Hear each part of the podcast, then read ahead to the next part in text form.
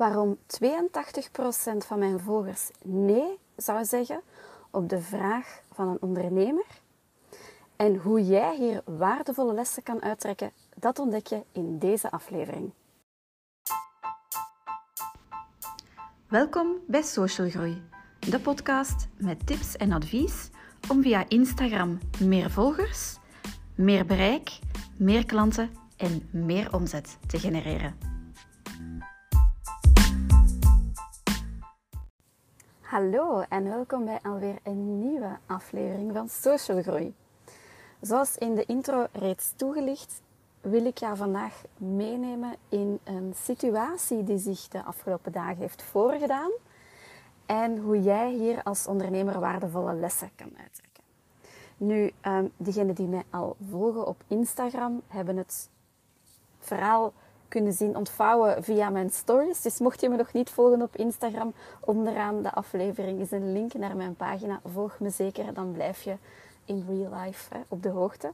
Maar ik ga mijn ehm, Instagram-app er even bij nemen, zodanig dat ik het jou letterlijk kan voorlezen. Dus, wat was de situatie? Die ga ik eerst even schetsen. De situatie was dat een man die ik niet ken, nog nooit van gehoord heb, mij out of the blue een bericht stuurde. Wat wel wel vaker gebeurt, dat mensen mij een bericht sturen. En dat is helemaal oké, ook mensen die ik niet ken. Maar goed, dit was dus bijzonder. Dus hij stuurt... Hoi, ik kwam je via via hier op Insta tegen. Ik heb een vraagje. Zou ik die mogen stellen? Groetjes en zijn naam. Ik zal hem even Bart noemen. Hè. Zijn echte naam is niet Bart, bij wijze van voorbeeld. En ik reageer daarop en ik zeg: Goedemiddag, Bart, natuurlijk, wat wil je graag weten? Komt een volgend antwoord. Hoi, wij zijn bezig met een onderzoek over voeding slash gezondheid en leefstijl. Zou je mij willen helpen door een korte enquête in te vullen? Duurt twee minuutjes. Smiley. Groetjes, Bart. Ik dacht, nou, dat is uh, heel, uh, wel heel direct. Hè? Dat is een beetje te vergelijken met de je, gaat op date met iemand, je hebt gewoon nog maar je drinken besteld, je vraagt, zullen we nog een keertje afspreken? Allee, om maar een vergelijking te maken. Dus ik dacht, hmm, ik ga eens een vraag stellen en zien hoe hij daarop reageert, want ik vraag me dan af, waarom heeft hij mij gecontacteerd? Dus ik antwoord, hoi Bart, wat bijzonder dat je mij daarvoor contacteert. Wij kennen elkaar nog niet, toch? Vraagteken. Op basis van wat besloot je om mij een bericht te sturen in verband met deze enquête? Groetjes, Laurence. Als je me kent, dan voel je een klein beetje een, een sarcastische ondertoon, hè, maar het was wel positief bedoeld. En hij reageert daarop, die stuur ik willekeurige, een schrijffoutje, maar bon, iedereen is belangrijk. Dus ik reageer terug en ik zeg, dus als ik het goed begrijp, stuur jij volledig willekeurige DM's, DM's zijn direct messages, naar mensen die je niet kent, nog volgt of ooit een bericht van geliked hebt, de vraag om tijd vrij te maken in hun agenda om jouw enquête in te vullen. Groetjes, Laurence. Zijn antwoord, vind je dat niet? Oké. Wederom met een spellingsfout, maar oké, dit is misschien heel Karen van mij. Ik maak soms ook schrijffouten. Als ik ze zie, corrigeer ik ze uiteraard wel. Maar goed, niet vergeten, dit gaat om een uh, koude prospectie. Hè. Um, voor de mensen die uh, ja, ik heb twintig jaar in, in, in business gewerkt, dus je hebt suspects, prospects, klanten, ex-klanten. Wat is een prospect? Een prospect is een, eh, een persoon of een bedrijf die je graag tot klant zou willen maken, maar die je nog niet kent. Hè? Het is te zeggen, een suspect ken je nog niet, een prospect wel. We gaan niet in de details uh, gaan, gaan um, verdwijnen, maar die kent mij dus niet.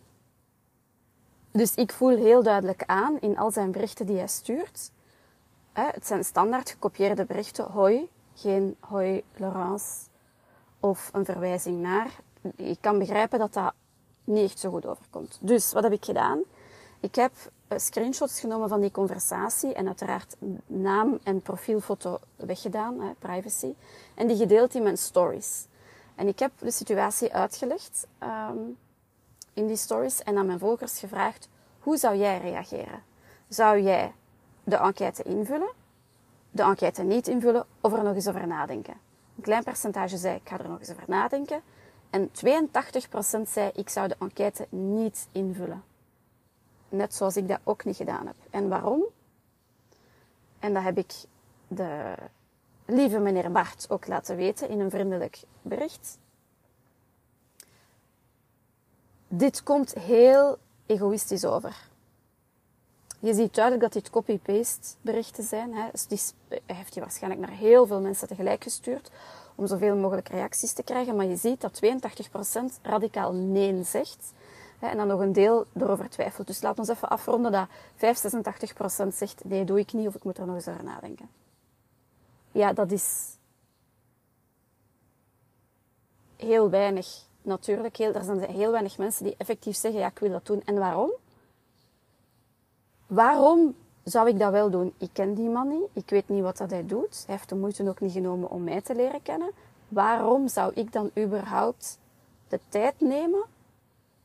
En tijd is voor iedereen kostbaar om zijn enquête in te vullen. Wat heb ik daaraan? Juist niks. En begrijp me niet verkeerd, niet alles moet gaan over ik geef iets en ik moet iets terugkrijgen. Maar dit gaat over business. Ehm, want ik ben wel van principe, je moet niet overal de weegschaal naast zetten. It's give and take, akkoord. Maar dit is businessgewijs. Als jij wil um, omzet, ja, omzet vergroten, meer klanten wil aantrekken, geloof me, dit is niet de manier waarop je het gaat doen. Want dit is, ik wil, ik wil, ik wil. Die man wil een enquête. Wellicht als reden om aan gegevens te geraken, een e-mailadres, een telefoonnummer, weet ik veel. Om daarna verder te kunnen prospecteren. Maar dit, zoals de cijfers het bewijzen, heeft een contraproductief resultaat. Had de liefste Bart nu mijn profiel doorgenomen, want ik geef nu meteen wat tips zodat je het beter kan doen. En had hij gezegd, hey ik heb jou een profiel ontdekt, wat leuk dat jij als social media manager dat, dat en dat doet. Ik vul het nu even in voor hem, want ik ben gaan kijken op zijn profiel. En hij doet iets met gezondheid en supplementen. De naam van het bedrijf doet er nu niet toe, of de producten die hij mede verkoopt. Hij zou bijvoorbeeld kunnen gezegd hebben, kan mij inbeelden, hè, ehm, ja, hoe, hoe, verdeel jij je tijd precies? Doe je veel bureauwerk? Hoe zit het qua sporten? Start een conversatie. Stel vragen om jouw potentiële klant beter te leren kennen en om te zien, is dat iemand die in mijn doelgroep valt? Ja, dan nee. En dan kan je van daaruit op een heel normale, natuurlijke manier aftoetsen Eén, is dit iemand die in mijn ideale klant valt? Want dat van, ja, ik stuur naar iedereen, iedereen is belangrijk. Niet iedereen kan uw klant zijn. Sorry, dat vind ik bullshit. Je kan niet iedereen helpen. Lukt niet, met de beste wil ter wereld niet. En dan voelen mensen zich ook niet aangesproken. Want als je iedereen aanspreekt, voelt niemand zich aangesproken en gaat ook niemand, of de grote meerderheid, niet instappen op jouw aanbod. Um, doe de moeite om iemand te leren kennen, om aan te voelen, kan mijn product of dienst iets betekenen voor die persoon? En dan kan je alsnog in dat gesprek een vraag stellen. hey, ik denk wel dat ik jou daar of daarmee kan helpen. Nu, om dat goed af te toetsen, heb ik een hele korte vragenlijst. Zou je die voor mij willen invullen? En als je het dan echt goed wilt doen, dan zorg je ervoor dat je de persoon in kwestie die de tijd ervoor neemt om jouw enquête in te vullen, daarvoor ook iets in de plaats geeft. Al is het dat je een aantal samples opstuurt van het product dat je wilt verkopen. Als je producten wilt verkopen. Ik weet in dit geval dat dat bij hem zo is. Of je, geeft, uh, je biedt aan voor een e-book te geven met 10 gezonde ontbijten, 10 snelle ontbijten, um, 5 oefeningen om je dag energiek te beginnen. Uh, eh, 10, ik verzin er ter plekke niets, hè. 10 manieren om je spieren te verstevigen als je veel bureauwerk doet. Whatever alles wat maar interessant kan zijn voor jouw ideale klant. Dus je moet wel weten wie dat jouw ideale klant is. Zijn dat mannen, vrouwen, kinderen? Uh, zijn die actief? Uh, en dan bedoel ik mee actief in de zin van sportief, maar ook actief in uh, professioneel. Of zijn die mensen um, op pensioen? Dat is een heel andere benadering hè, van elke doelgroep. Um, net zoals, ik, ik vergelijk het met, je gaat naar een netwerkevent. Stel dat daar 300 mensen zijn. Dan ga je toch ook niet naar het eerste hoge tafeltje wandelen en zeggen: Hoi, ik ben Bart. Zou jij voor mij, zou ik jou eens iets mogen vragen? En de persoon aan tafel zegt: Ja, natuurlijk. Ja, uh, we zijn bezig met een onderzoek naar gezondheid. Zou je alsjeblieft mijn enquête willen invullen? Hup, en een papier onder de neus duwen. Dat werkt toch niet? Dat is toch heel egoïstisch en onsympathiek? Wel, eigenlijk moet je online, allez, moeten, je moet niks, dit is mijn advies, je hetzelfde gedragen, gedragen als je offline zou doen. Op zo'n netwerkevent zou je toch ook naar iemand toestappen En misschien eerst small talk doen en jezelf eens voorstellen wie dat je bent of wat dat je doet. Eens horen wat die andere persoon doet. En zo kan dat op een natuurlijke manier groeien. Maar hoe dat de lieve Bart het heeft aangepakt, dat was het dus niet. Ik heb hem dan ook heel vriendelijk uitgelegd dat zijn berichten nogal egoïstisch overkwamen. Dat ik die vraag heb voorgelegd aan mijn volgers. Dat 82% zei, nee, zou ik niet invullen.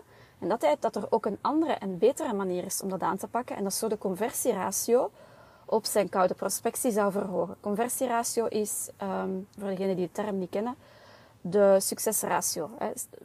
Op 100 mensen die je benadert, hoeveel willen er jouw enquête invullen? Stel dat dat 20% is, dan is je conversieratio 20. Hij heeft gezegd, ik kom er nog eens op terug. Kijk, ik wou echt oprecht goed bedoeld. En dit is, dit is helemaal oké, mijn ervaring en expertise um, aanwenden om hem te helpen en te zeggen hoe het beter kan. Hij denkt er nog eens over na, hij mag erover nadenken. Het aanbod geldt nog altijd. Um, maar dat kan veel beter. Dus, deze hele rant, om maar uit te leggen hoe het niet moet. Zorg dat in elke communicatie die je doet, of dat nu een social media post is die je publiceert, of een DM, een privéberichtje dat je stuurt. Of een nieuwsbrief die je uitstuurt. Whatever. In elke communicatie die je doet, zorg dat de behoeftes en verlangens van jouw potentiële klanten centraal staan. Hou hen in het achterhoofd als je berichten maakt. Zo weet ik bijvoorbeeld, doordat ik eens een, ehm, een aantal stories heb gedeeld met een enquête, zo weet ik dat het grootste deel van mijn volgers struggelt met het feit om content te bedenken voor hun zaak. Dat dat voor hen het allermoeilijkste is. Wat moet ik nu weer posten? En mede daardoor bijvoorbeeld maak ik elke maand een lijst met feestdagen. En dat kunnen de meest uh, dwaze feestdagen zijn van Wereld Donutdag, Wereld Olifantendag, uh, Linkshandige Dag, Wereld Rumdag, Wereld Chocoladedag, tot officiële feestdagen of evenementen waar dat je iets rond kan doen. Maar afhankelijk van hun branche, dat zij inspiratie kunnen opdoen om. Omdat ik weet dat ze daar echt nood aan hebben. Dus ik probeer ook al mijn posts in functie van hun behoeftes te schrijven, hun verlangens. En dan gaan ze zich ook sneller aangesproken voelen. Gaan ze jou, als jij dat ook doet, jouw content um, leuker vinden, makkelijker kunnen delen met iemand, sneller een like geven, een reactie, het is doorsturen naar iemand. Kortom, dan ga je vertrouwen opbouwen en een connectie. Dus als je het echt bekijkt, en daar is een term voor, what's in it for me? Als je dat altijd in gedachten houdt, en die me, dat is dan uw potentiële klant. Hè? Um, wat heeft uw potentiële klant, uw volger eraan om jou te blijven volgen? Breng jij content die interessant is, die relevant is, waar zij slimmer van worden, waar ze iets van leren, die hen inspireert, die hen triggert op de juiste manier? Als je dat in jouw achterhoofd houdt, houdt liever, dan ehm, ga je zien dat jouw groep van volgers gaat volgen en dat je ook trouwe volgers krijgt. En ze gaan jou ook blijven volgen omdat hetgene je brengt waardevol blijft. Goed, ik heb nu heel veel verteld in een hele korte tijd. Maar ik hoop vooral dat je onthoudt wat je niet moet doen bij koude prospectie. Hoe dat je het beter kan doen en vooral ook what's in it for me, hoe dat je dat kan toepassen voor jouw um, publiek, voor jouw volgers. Als je me nog niet zou volgen op Instagram, ik zei het in het begin van de opname al, klik op de link onderaan in de show notes. Dan kom je rechtstreeks op mijn Instagram pagina uit, kan je mij daar volgen. Dat is het kanaal waar ik het meest actief op ben, het meeste op deel. En uh, dan kan ik jou daar hopelijk nog meer inspireren. For now, thank you for listening en heel graag tot in de volgende podcast aflevering. Fijne dag nog!